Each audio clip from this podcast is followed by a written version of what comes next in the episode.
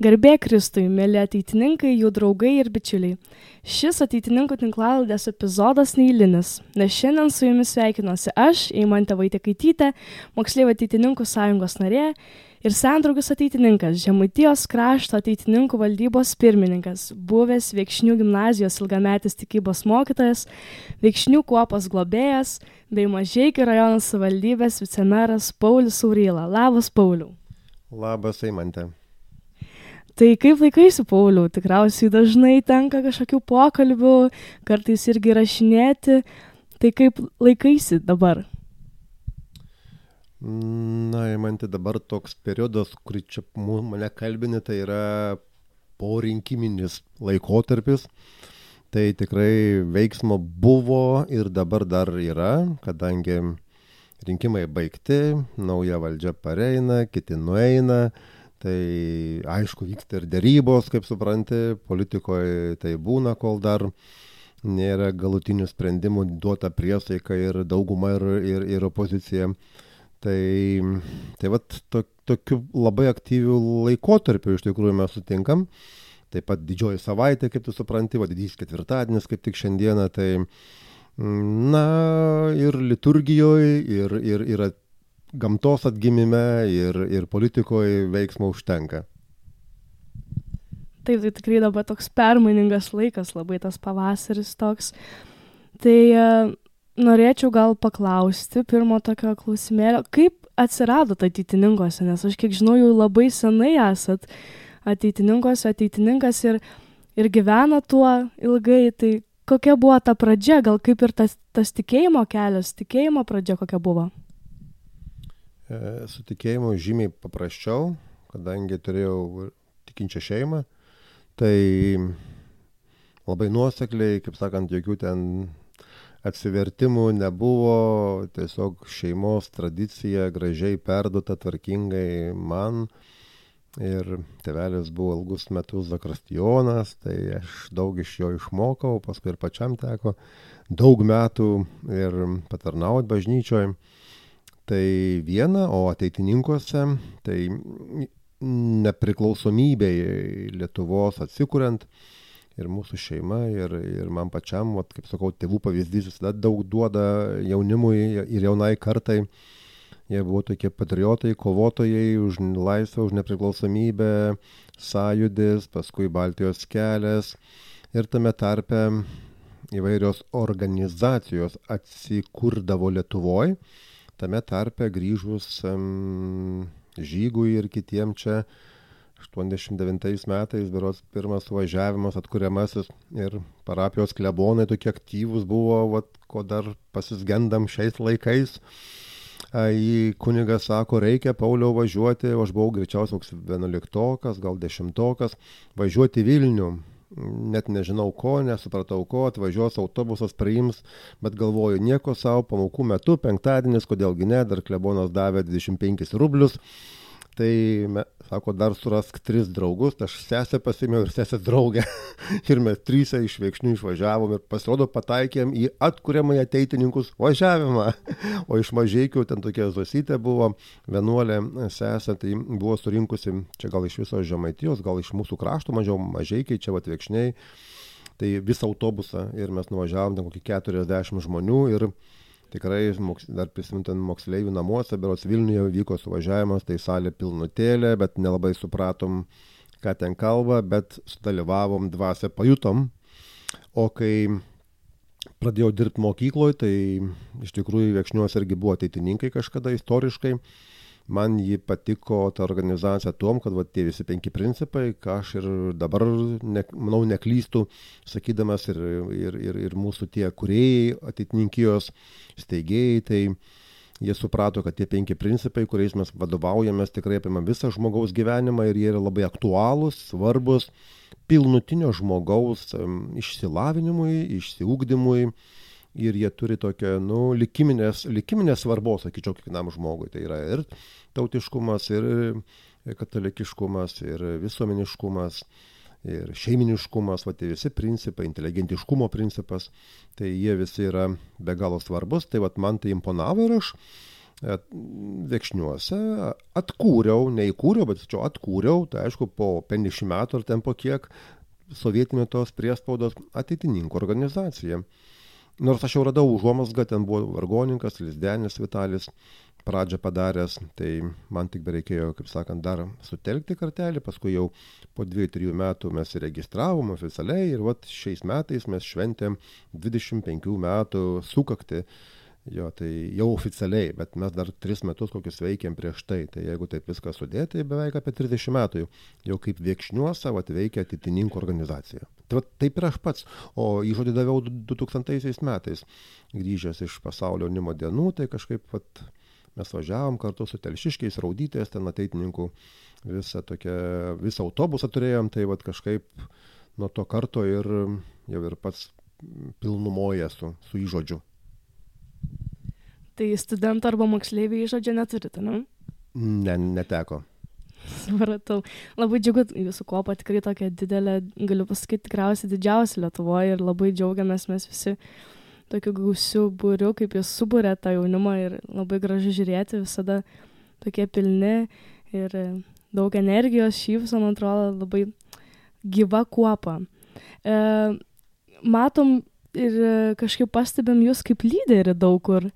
Ir e, kaip, kaip manot, kas yra krikščioniška lyderystė ir ar kiekvienas gali būti lyderiu? Mm, pabandyti gali kiekvienas ir taip įsiaiškinti, ar gali būti. Tai privalu tikriausia kiekvienam. Ar gali kiekvienas? Tikėtina, kad ne. Nu, greičiausiai yra tam tikros savybės reikalingos lyderiavimui. Tai, bet jeigu nori, aš manau, labai atkakliai jis galėtų išsiugdyti savybės.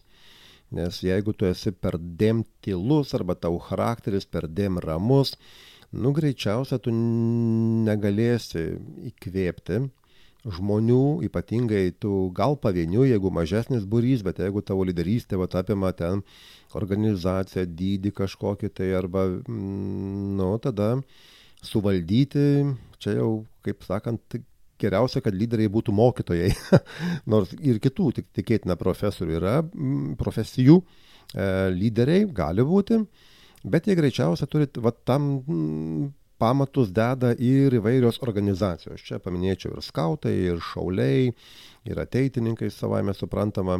Va tie žmonės, kurie yra pabuvę įvairiose neformaliose organizacijose, jie tada tikrai būna puikūs, manau, čia netgi darbdaviams, kaip sakant, perlai tokie krenta į rankas, tada jie, nu, gali save parodyti ir darbuose, ir šeimos gyvenime, ir namuose, ir mm, organizacijose, bendruomenės telkime, pavyzdžiui, miestų, miestelių.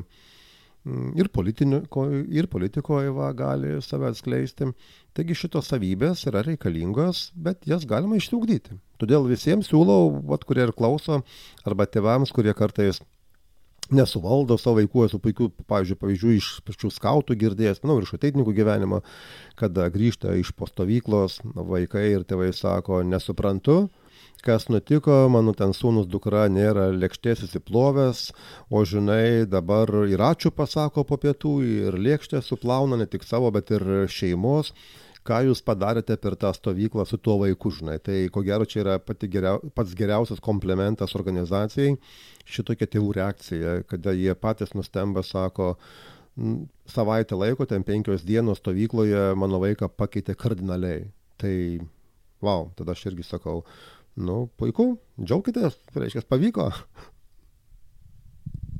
Ar pats dalyvaujat kokiose stovyklose kaip dalyvis vaikystėje ar paauglystėje?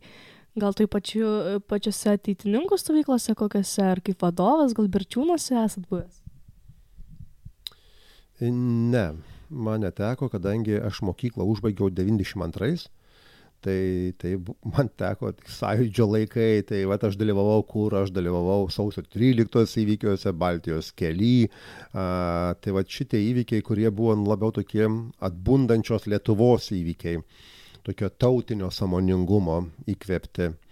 E, davė kas? Davė galbūt viskupijų centrai jaunimo tokie buvo labai aktyvus mes turėjome begalės kelionių, ypatingai pasaulio jaunimo dienos, kada susitelkdavo žmonės ir tai buvo nu, tikrai įspūdinga po to tokio, ko mes nebuvo matę ir patyrę, iš tikrųjų išvažiuoti pasaulį ir pamatyti tą kitokį pasaulį ir patirti tokius dalykus kaip tokia bendrystė, nes tikėjimas toksai buvo persekiojimas, toksai nu, slaptas, Aišku, ten buvo daug visko, buvo adoracijų, tokių, kur dabar tikriausiai aš nežinau, ar pavyktų. Mes per naktį, pavyzdžiui, va, Velykos artėja, mes, pavyzdžiui, didįjį šeštadienį per visą naktį būdėdavom bažnyčioje, nežiūrint, kad ji būdavo šalta, kaip ir dabar, dar ir žiemos šaltesnis būdavo, bet išbūdavom per visą naktį, nu, sunku dabar protų suprasti, e, pareičiais, procesija ir Velykinė jau ir, ir adoracijos nu tiesiog dabar aš nežinau žmogui pasakytumei kad tu čia per naktį turėsi būt bažnyčioj e,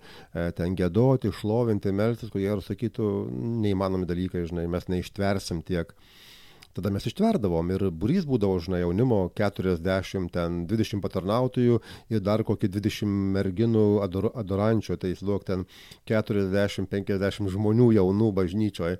Tai va šitą tuos dalykus aš patyriau tuos dalykus mes jau organizavom, tai šitie dalykai tikrai subūrė, sujungė ir, ir, ir kaip pastebiu, visi globėjai, kurie yra dabar vat, dar Žemaitijoje tikriausiai ir kitose vietovėse, tai jie yra likę iš tų sąjūdžio laikų, iš tų pirmųjų tokių žmonių, kurie va, ta šventoji dvasia arba ta sąjūdžio tautos atgimimo dvasia įkvėpė tokiem darbam, dideliem darbam sakyčiau ir šitie žmonės ištikimai va trisdešim metų dvidešim penkis trisdešim metų būrė kūrė tą krikščionišką jaunimą tą dvasią ateitininkų skautų ten būtų ar ar ar kitų organizacijų kuri nu dar yra bet va dabar kyla iššūkis kas toliau perims ir kas įkvėps ir kokia ta dvasia turi ateiti ir iš kur ta dvasia turi ateiti.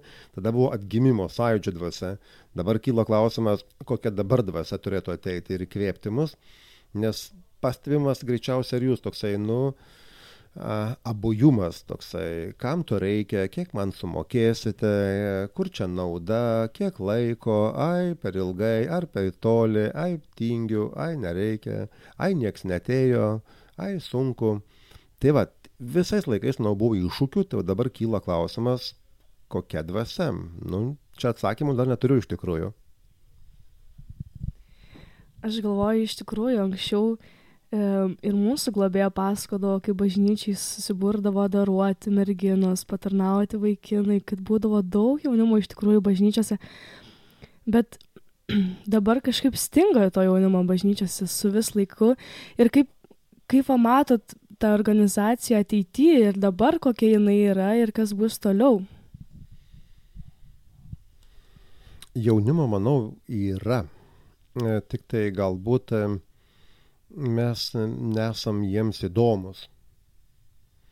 Nes nu, reikia sutikti vienų dalykų, kad pasaulis pradėjo siūlyti žymiai daugiau ir įdomesnių arba, nu, kaip įdomesnių, nu, jaunimui, jaunimo akiai, ausiai įdomesnių dalykų. E, Liktai to, kaip ir bažnyčia arba organizacija, nors aš abejoju, kitą kartą pati organizacija galėtų kažko tai daugiau pasiūlyti, nors galbūt mūsų va, ta charizma, kas yra, kaip mes atpažįstame esam atitinkėjai, koks mūsų tikslas, gal yra tokia, nu, ramesnė, labiau tokia, E, mes žinome, kad ateitininkai labiau pasižymi intelekto ar ne, ne tik kaip skautai, ten žygiai, e, buvimas būryje kartu, nors aš manau, kad tai yra irgi dabar didžiulė vertybė. Tiesiog sugebėti vien suburti jaunimą, kad jis kartu tvarkingai, gražiai mokėtų bendrauti, praleisti laiką. Tai šiais laikais jau yra daug.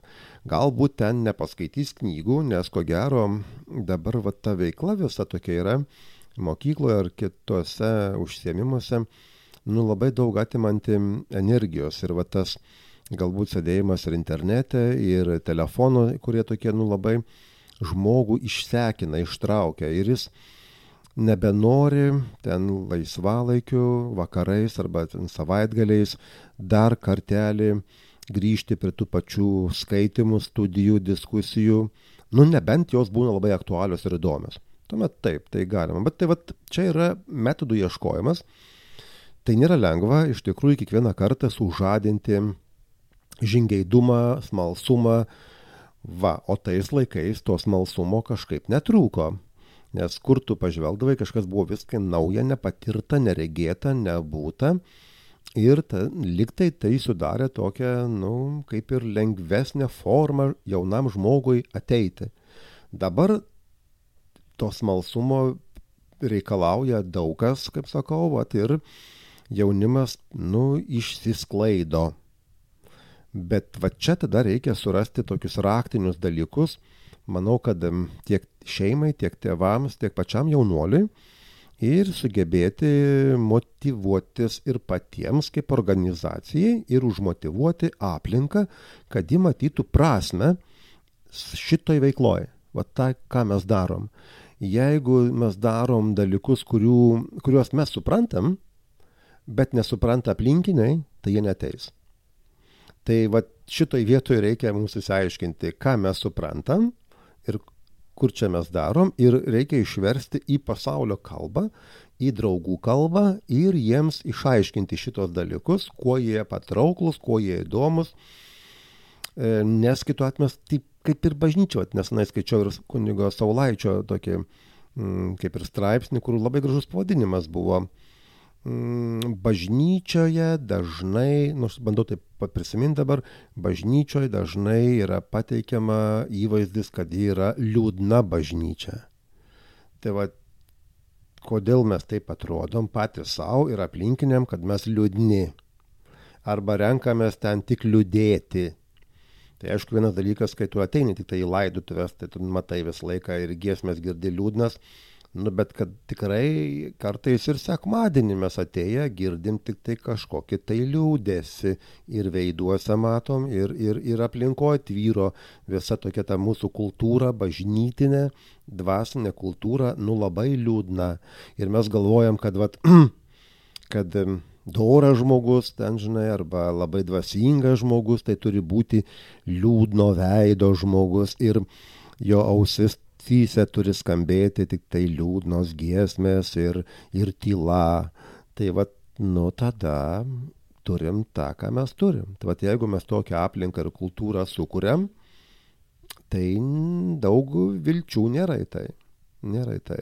Aš nemanau, kad krikščionių tikėjimas yra liūdėsio tikėjimas. Tai vat, čia ir mūsų organizacijai, kadangi vis tiek mes turime tą katalikiškumo principą, kaip tokį, sakyčiau, bazinį raktinę, ne? tai aišku, čia ir parapijoms yra iššūkiai. Nu, jie turi, turim išmokti tai suprasti ir įveikti. Turim sėdėti, diskutuoti ir įsiaiškinti ir mažai žingsneliais visą tą tokią keistą susiformavusią tradiciją, sakyčiau, kuri, nu, nesakyčiau, kad yra šitoje vietoje gera, e, pakeisti. Tam reikia laiko, tam reikia noro, tam reikia žmonių ir galbūt dar kažkokių tai išteklių. Tai viską pasverkim, suskaičiuokim ir aš manau, kad galim keisti. Aš pagalvojau, kad dabar yra tas toksai kartų keitimas metas. Man atrodo, kad tie, kurie e, gimė ir užaugo sovietmečiu, turi kitokį požiūrį negu dabar gimstantis jaunimas ir augantis. Ir e, tuo pačiu dar galvoju, e, kaip reikėtų dabar po, po karantino mažėja jaunimo ir organizacijos. Atrodo, prieš karantiną buvo gyvos tos organizacijos, turėjo jaunimo, turėjo aktyvių narių o karantinas sustabdė, tai gal tai rodo, kad, kad tose organizacijose jaunimas buvo tik tam, kad linksmai pabūti, o ne, o ne tik, kad jiem kažko duoda vidinio, dvasiško. Tas pats ir ateitininkijoje sumažėjo tų narių skaičius ir kažkaip, ką tai, du, ką tai davė tas karantinas, tas žmonių sumažėjimas Bet ar dabar yra e, kažkokia viltis, gal yra koks, kokia priemonė susigražintos tos žmonės kažkaip užkabinti juos vėl būti ateitininkijoje ar kokioje kitoje organizacijoje, kaip manot?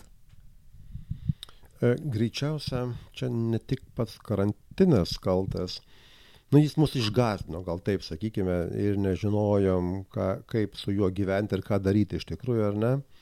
Nors, nu, sakykim, šalia visų sunkumų dar vienas sunkumas prisidėjo, va, tas karantinas.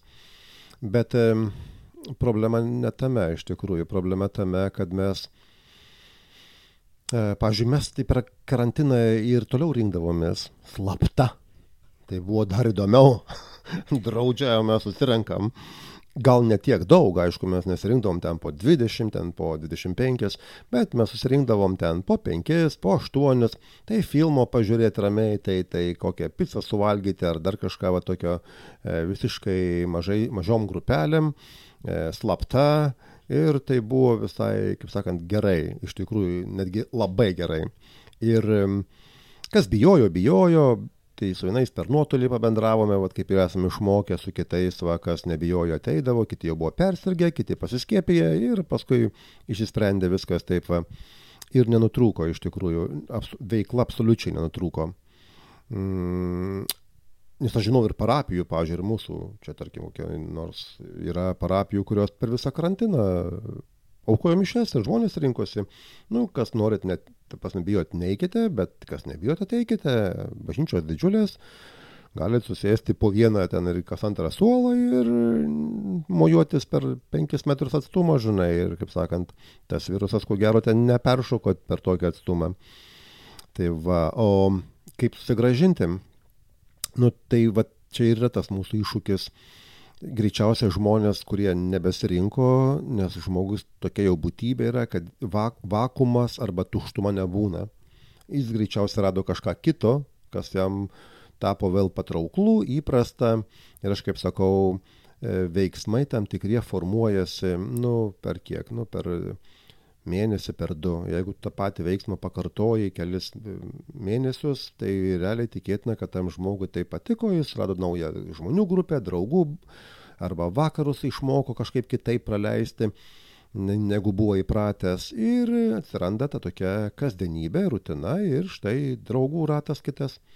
Tai dabar kaip pakeisti, nu, tapti kažkuom tai pranašesniu, įdomesniu už kitus draugus arba tiesiog, aš kaip žinau, poveikį didžiausią daro asmeninis kvietimas. Tai tokia mentorystė, iš tikrųjų, tai vad, jeigu mes dėl kažkokio žmogaus labai pergyvenam ir sielojamės, tai turim tą žmogų asmeniškai ir globoti. Turim jam skirti dėmesio, laiko, jį asmeniškai pakviesti, nes, pavyzdžiui, ir pas mus ateitininkiai, aš pamenu, kad dar vat, ir žiogo ten laikai buvo, ar ne patys pirmieji, tai ateidavo kai kurie mokytojai irgi ten vat, iš santarvės, iš kitų laikraščių yra buvę, interviu imdavo, sakydavo, o prisistatykite, tai ir paaiškėdavo, kad čia tai beveik trečdalis vienos klasės, trečdalis kitos klasės, o paskui broliai ir seserys, žinai. Tai gaunasi, va tai kas pakvietė. Ai mane tai klasiokas pakvietė, žinai, o kas tave, ai mane tai brolis atsivedė, žinai. Na tai va, pasaulis kaip ir duoda atsakymus iš tikrųjų. Nu, neteina kažkaip tai stebuklingai pakviesti žmonės, jie ateina labai žmogiškai ir paprastai pakviesti. Paėmė už rankos ir atsivedė draugą. Vieną kartą, antrą kartą, kol eini pasikalbi, paaiškini, kas čia, dėl ko, ir jis mato tavo užsidegimą. Aišku, jeigu ten tu aiškini, kaip viskas blogai, kaip tave čia tėvai išvarė, kaip tau neįdomu, nu, tai sakys, nu, tai gal einam kitur kažkur, tai dabar turim progą pabėgti, bet jeigu tu sakysi, žinai, kaip ten smalsu, įdomu ir aš tave kviečiu ir aš pats einu visą laiką, jau ten kelis metus, žinai, ir man tai nenubo, nėra nuobodu, gal ir tau patiks. Aišku, nebūtinai turi patikti, bet jis gali pabandyti. Ir, kaip rodo patirtis, žmogaus širdis susidega nuo kitos širdies. Tai ko reikia? Nu reikia deginti bent vienos degančios širdies, kuri eitų ir uždegtų kitą širdis. Atrodo paprasta, bet tam reikia atkaklumo. Tai vad, ko reikia, kaip išeiti iš to, nu atkaklumo reikia. Ne? Tai vad, jeigu būsim atkaklus, tai ir viskas gerai bus. Tai tiesiog vat ir savo, ir tau, Eimantė, ir, ir vat, kurie galbūt klauso, nulinkiu atkaklumo. Jo, aš um, gal dabar pereikim prie um, to tokio kuopų, va čia vidaus ateitininkų. Uh, kažkaip, man atrodo, aš, pas, nu, aš pastebiu ir pasigendu uh, kuopose to tokio dvasiškumo, gal uh, katalikiškumo ir panašiai. Tai Taip pat minėjot, kad va, kunigai yra nebeaktyvus, tokie pasyvus, vien tik savo reikalais, tas jaunimas, nu, mažai kunigų bedomina.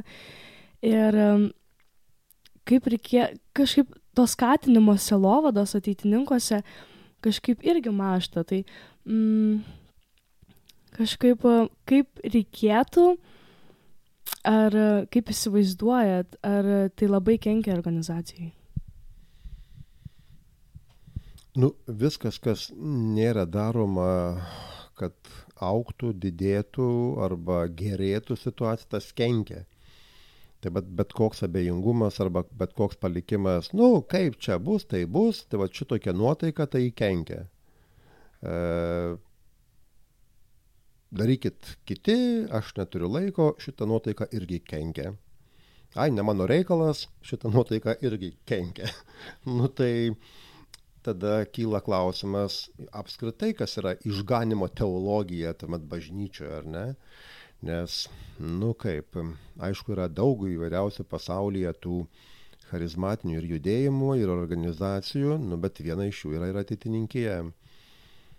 Ar gali kažkaip atkakliau bažnyčiose? Nu, taip, aš manau, kad gali ir turėtų, bet čia reikėtų noro, vėlgi va to E, angažuoto noro ir suprasti, kad mes čia esame žemėje. Nu, misija, bent jau bažnyčios, tikrai yra išganimas pirmiausia vietoje tikriausia. Tai dėl šito reikia ir pakovoti. Ir jeigu įmanoma kažką padaryti, o tikrai yra įmanoma padaryti, ypatingai dėl jaunimo selovados, nu aš jos kol kas Nu, vienoj kitoj parapijoje matau, bet tai dažniausia būna kaip keista, kad e, šitas silovada užsima, nu, tam tikros vienolyjos, sakykime, seliziečiai arba į, misi, iš, į misijas atvykę žmonės, kaip keista, o, nu, yra parapijoje, bet realiai parapijoje, nu, kokia gero, kiekvienoje viskupijoje, nu, ant kai kurių ant vienos rankos suskaičiuotume pirštų, nu, kitom gal reikėtų dviejų rankų pirštų. Kritinė masė nesusidaro parapijų. Kad sakyčiau, daugiau kaip pusė toj viskupijai parapijų labai pergyvena dėl jaunimo selovados ir ji kažkokia tai yra ten. Regima, jaučiama, ar kaip tai norite ko gero, jeigu bet kokį žmogų paklaustume, sutikęs, suprantu, pažiūrėjau, po sutvirtinimo sakramento paklaustume jaunuolio, o kokia čia dabar jaunimo selovada vyksta pas tave parapijoje, jis neturėtų supratimo, ko aš jo paklausiau.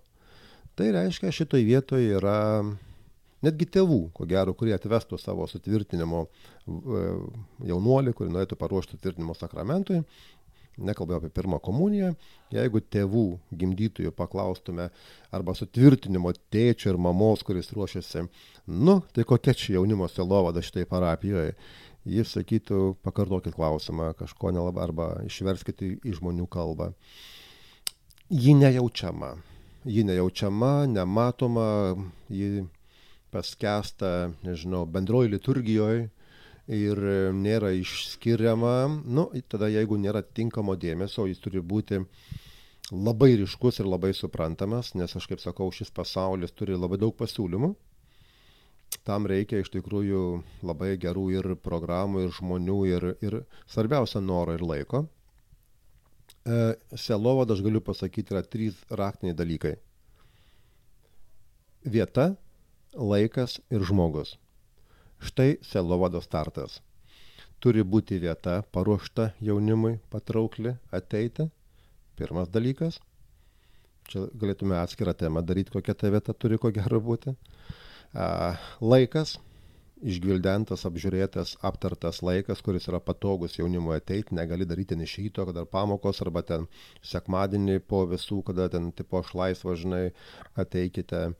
E, tai vad laikas ir žmogus.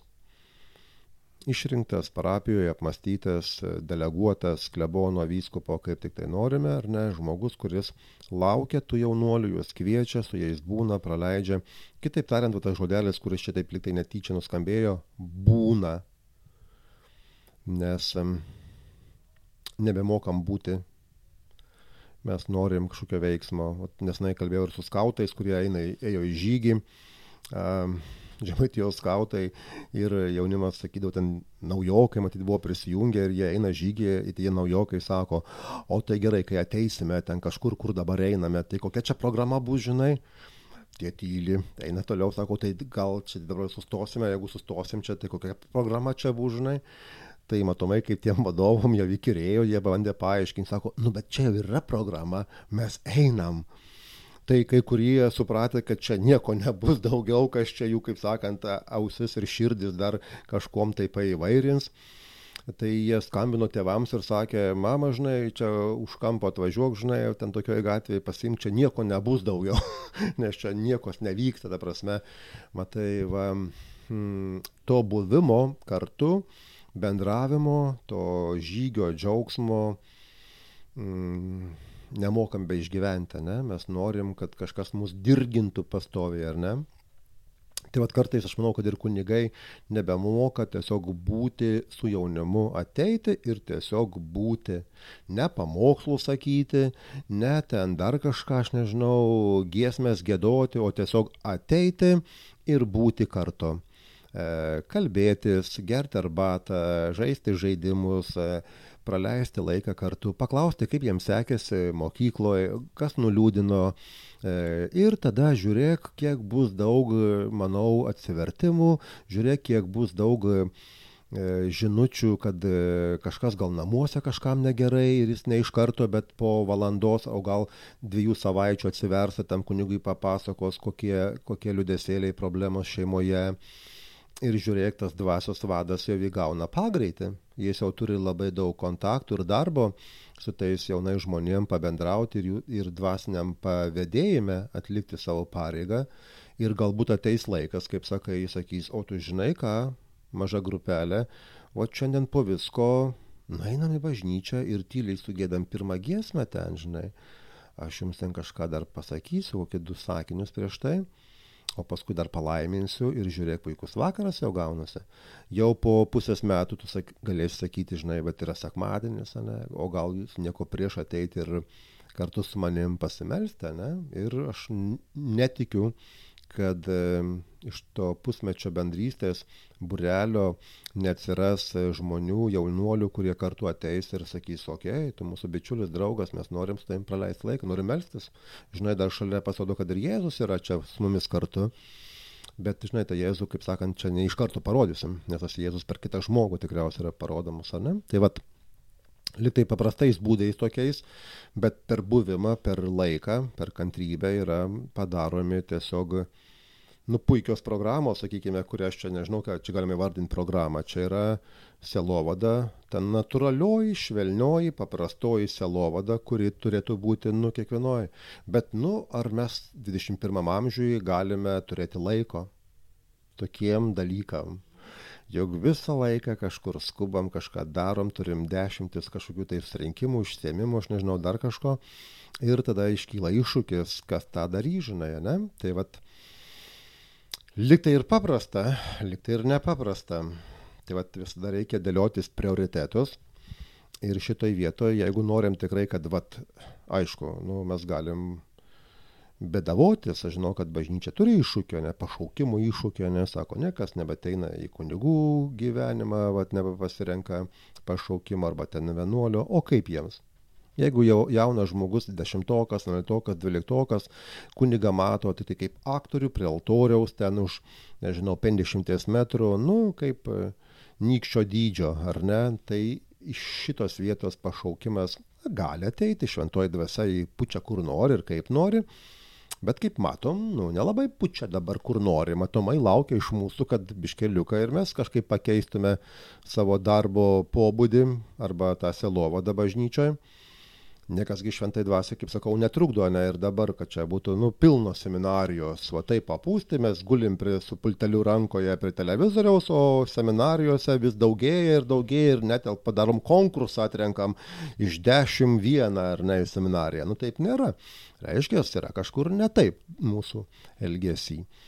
Ar ne? Tai greičiausia dėl to, kad mums reikalinga yra prisiliesti, būti šalia to jauno žmogaus, kad jis matytų. Galbūt yra teis laikas, jaunuolis sakys, o kaip jūs kunigė pasirinkote tą kunigo gyvenimą, papasakok savo pašaukimo kelią.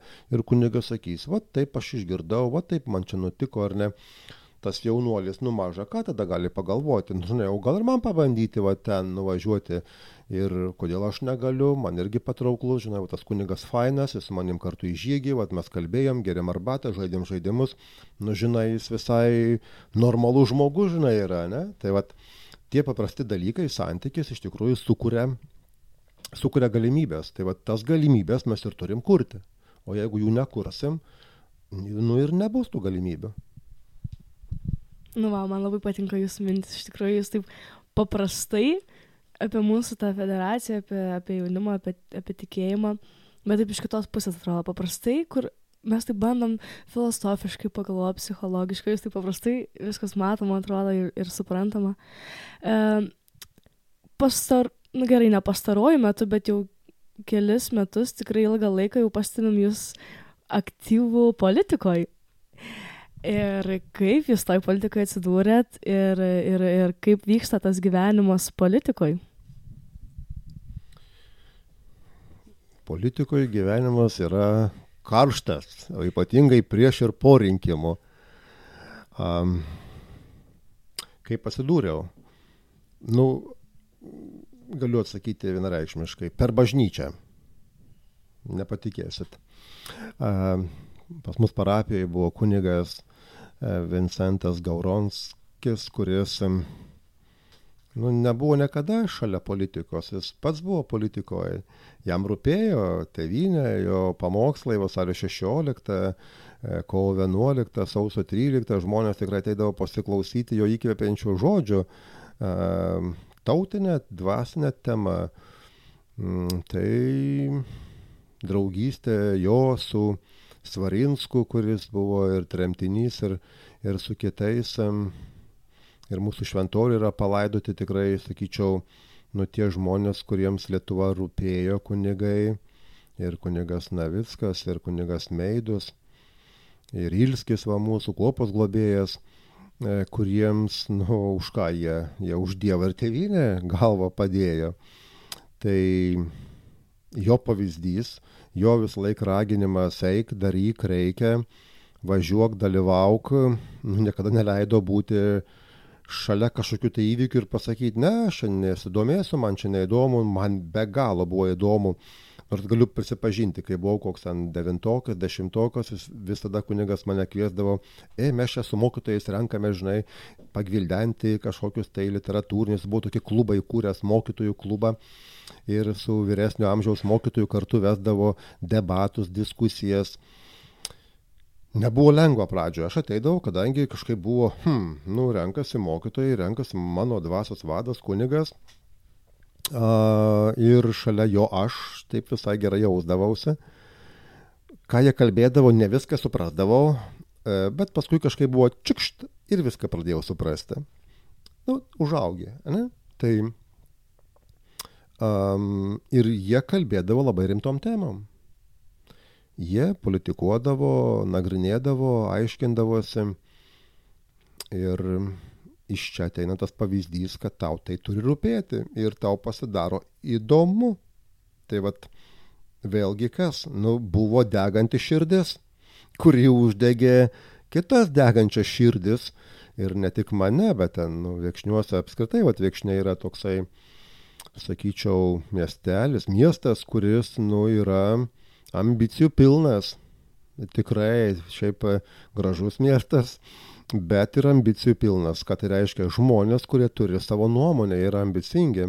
Kita kartą kiti sako, nu čia sunku, žinai, sutarti ir kažką. Nu jo, reikia ir pasiginčyti, ir savo tiesą įrodyti, bet tik dėl to, kad žmonės nėra abejingi. Tai ar tai blogai? Aš sakau, tai ne, neblogai. Aišku, niekuomet nereikia ten kažkaip tai grubiai, nemandagiai įrodinėti savo tiesą, tai čia kitas dalykas, čia kultūros dalykas yra, ne? Bet e, mano kelias į politiką buvo toksai. Tik užmiršau antrą dalį tavo klausimo. Ar, ar, ar, ar atsakiau? Jo, kaip atsidūrė toj politikai ir kaip vyksta tas gyvenimas politikai, tai manau, kad čia atsakėt jūs jau.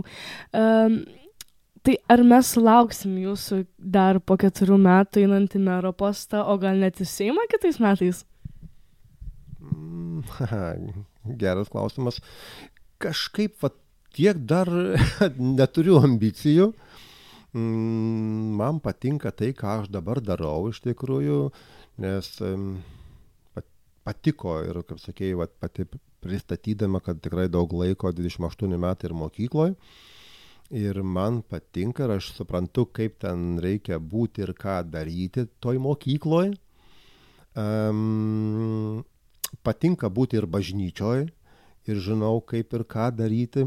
Patinka būti ir politikoje, va čia tokiai vietiniai. Ar norėčiau kažkur išplaukti dar desnius vandenis? Kol kas ne iš tikrųjų. Tai nenurašau savęs visai, bet e, apribočiau dabar va šitoj vietoj aplinkoj, kur dabar esu.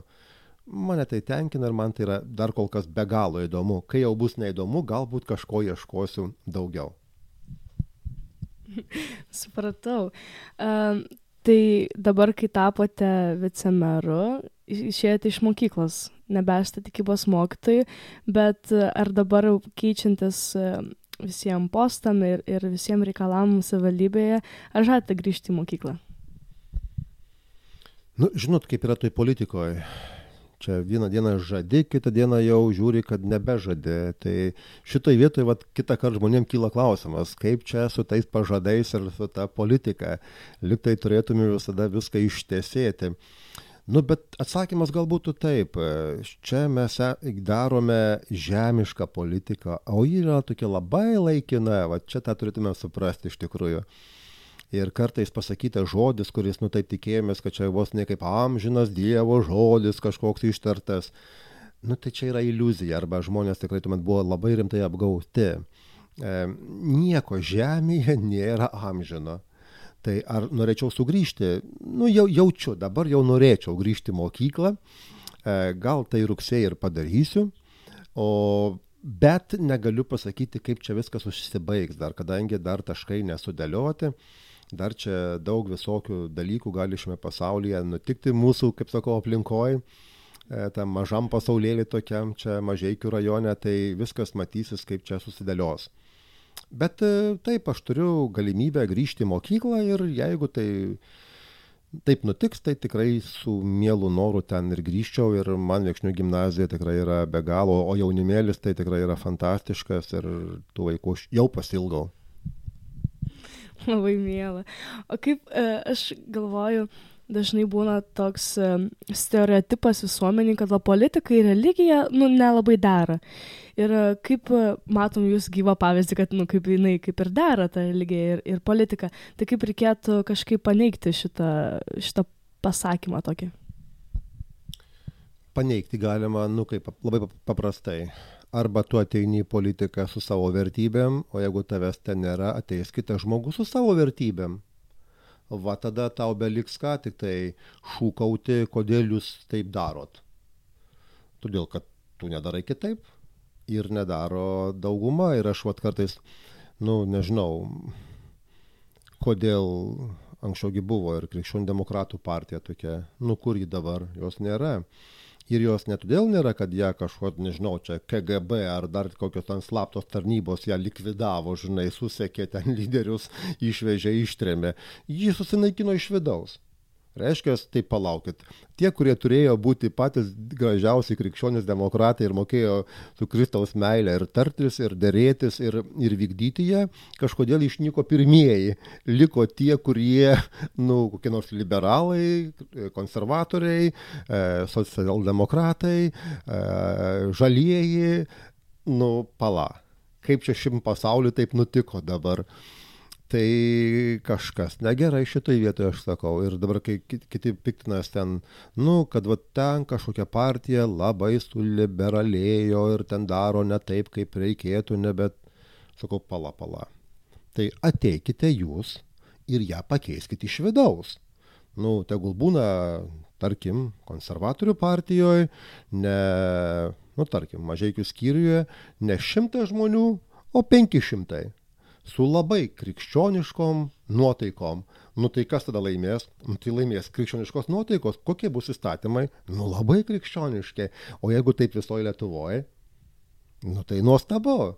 Bet e, ne, mes norim, nežinau, pareikaut, pamitinguot, pasakyti, kad kiti yra vat, kažkokie liberalūs, taip, o kodėl ne? Nu, to žmogaus toks požiūris. O tai kur tavo požiūris?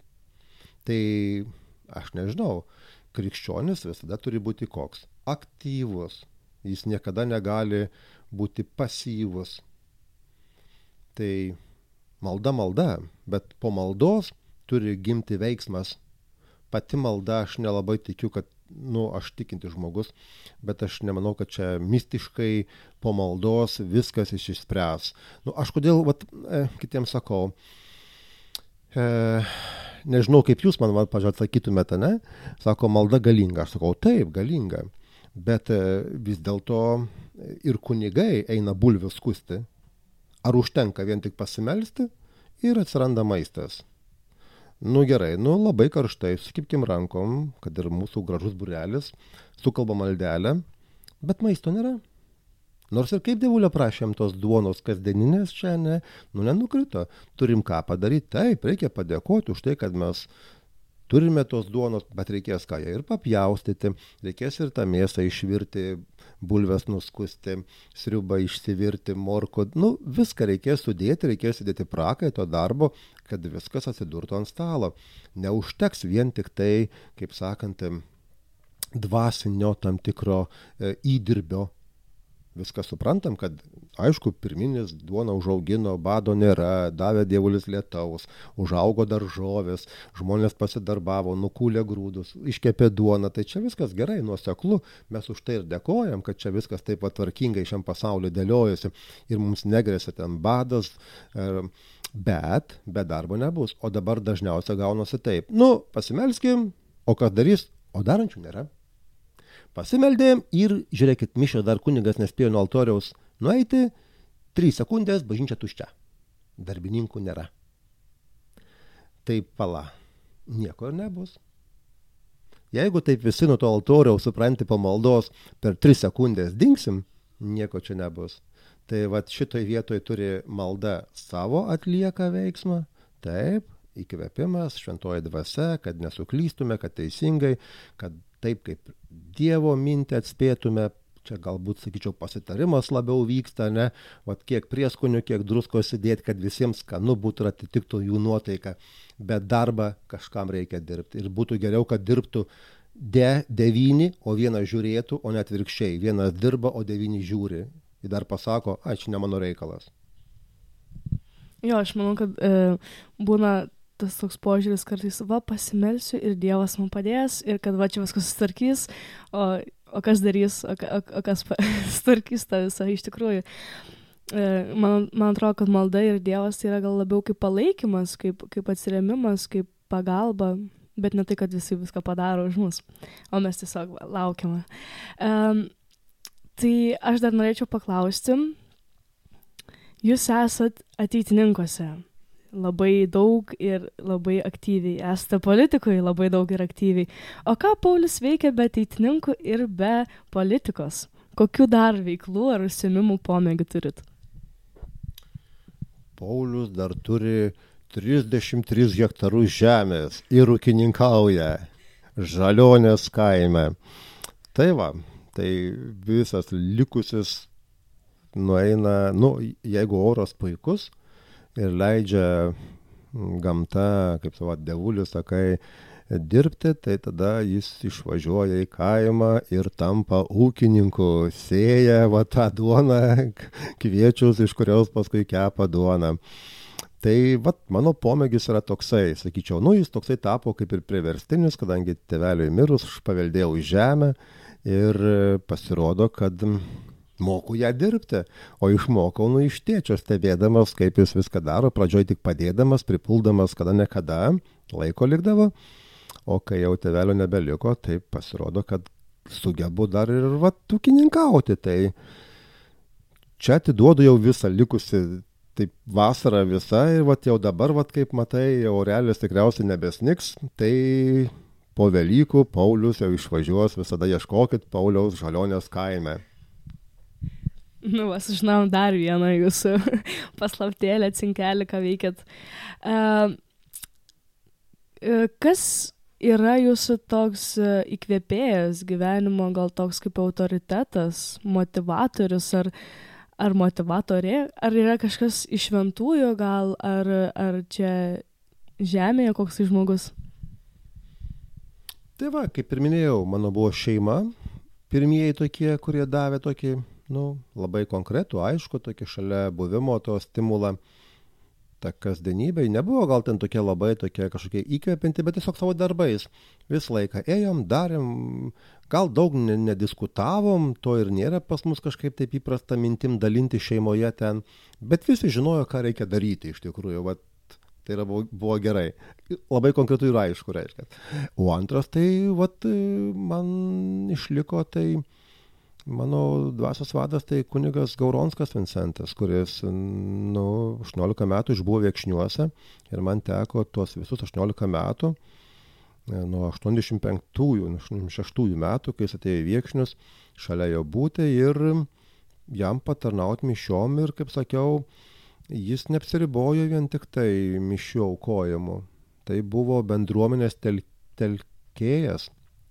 Aišku, jis irgi toks buvo įdomus žmogus, jis telkdavo, gal labai mėgo inteligentiją, jis buvo numėgėjęs labai daug knygų skaityti, labai, tai aš nežinau, jis į savaitę tikriausiai kokias dvi, tris knygas perskaitydavo ir skaitydavo braukydamas su pieštuku. Tai aš turiu paveldėjęs jo palikimo dalį, ten keletą knygų, tai vis atsiverčiu ir labai patogu skaityti. Tu skaitai pabrauktas eilutes ir tai yra tiesiog perlai, perlai išrinkti iš tų knygų. Ir kas įdomiausia, dabar aš pastebiu pats savyje, kad tai, ką aš girdėjau iš jo ir iš jo visas kalbas, tu nepatikėsi, kiek dabar yra vat, ir politikoje buvo situacijų, man užtenka atkartoti kai kada jo pasakytas mintis ir žodžius, ir jie yra tokie šiuolaikiški ir tokie novatoriški, kad aš tiesiog liktai būtų pasakyti šiandien čia ir dabar toje situacijai. O tai buvo pasakyta, jis jau amžinatelis kokį 13 metų, žinai, yra, tai tikrai prieš 14-15 metų ištarti žodžiai, pasakyta kalba, e, diskusija šiandien tinka tiesiog čia ir dabar. Tai vad, atrodo, kaip tu su žmogum bendravai prieš 15-20 metų, bet tu jo žodžius atsimeni, kaip čia ir dabar jie tokie aktualūs ir taip tinka šiandien Tai va to įkvėpimo aš iš jo tiesiog ne tik, kad įmuosi, aš galiu pasakyti, nu, aš tikiu, kad yra dangus ir mes tikim tikriausiai, kad yra dangus, ar ne, tai aš manau, kad jis puikiai stebi ir čia sako, nu, va, mes apie tai ir kalbėjom, kas dabar vyksta. Tai tiesiog aš negaliu pasakyti, kai jis buvo įkvėpėjas, jis yra įkvėpėjas ir tiesiog, va, to mintim mes dabar irgi galim sakyti, dalinamės, aš jo mintis, kada ir politikoje, arba mokykloje, ir jaunimui va, per pamokas galiu perpasakoti ir jos yra čia dabar aktualios. Tai vat, tas įkvėpimas dabar vyksta, tiesiog dalinamės mintimis. E, minėjot, va, kad jūsų dvasios tėvas skaitė knygas labai intensyviai, o ir jūs e, turit kokią e, mėgstamiausią knygą, kuri, nežinau, atspindi jūs, ar dabar gal skaitat kokią labai įdomią knygą norite parekomenduoti? Tai vad, kad man labiausia patikdavo tokios psichologinės knygos, aš vad, kiek visada, vad, ir ateitininkijos, kadangi man su jaunimu darbas buvo labai aktualu ir organizacija, aš visą laiką žiūrėjau, vat, kas yra ta lyderystė.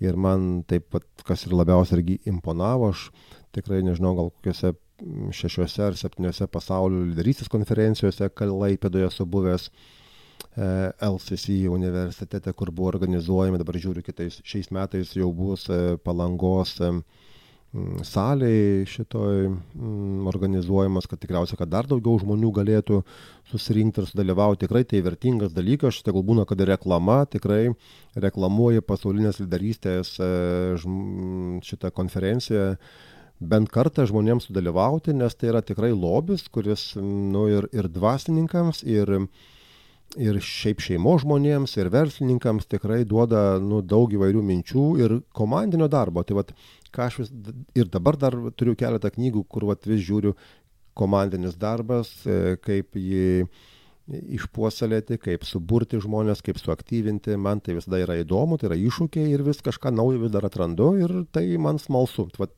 tokias knygas tengiu surasti ir vis panagrinėti. Tai konkretaus autorio kokios knygos neįvardinsit?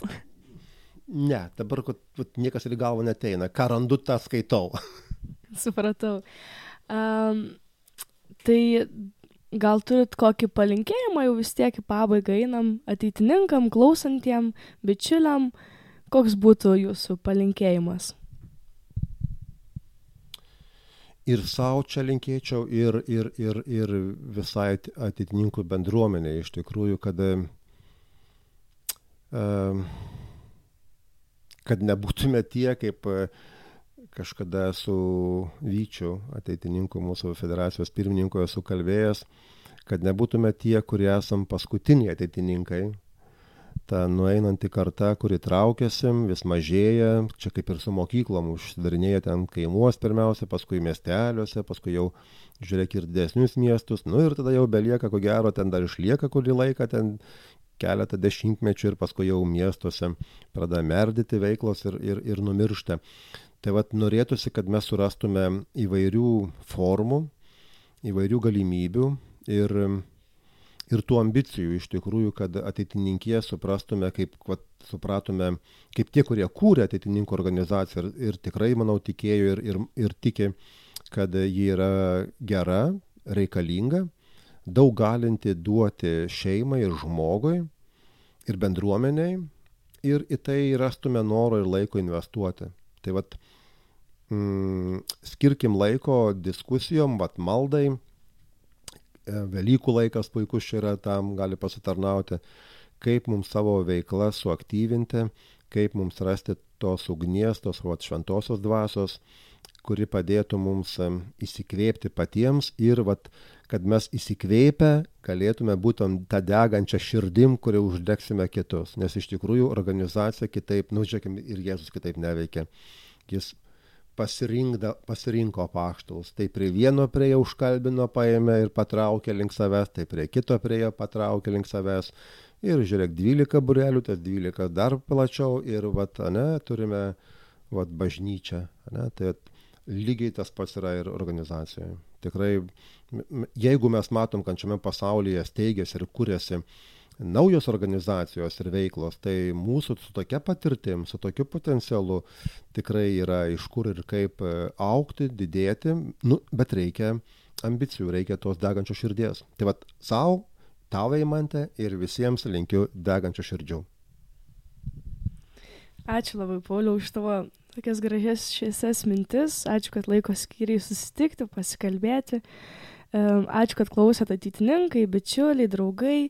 Taip pat dėkojame mažai Kaido radijui, kad mus priemė, kad sutikė galimybę mums čia įrašyti ir pasikalbėti. Labai skatinu ateitininkus paremti Contribui platformoje, labai vertiname jūsų paramą. Tai, tai va, tai labai dar kartą ačiū Pauliu, kad atėjai. Ir čia buvo šeimantė, tai su Dievu ir iki kitų susitikimų.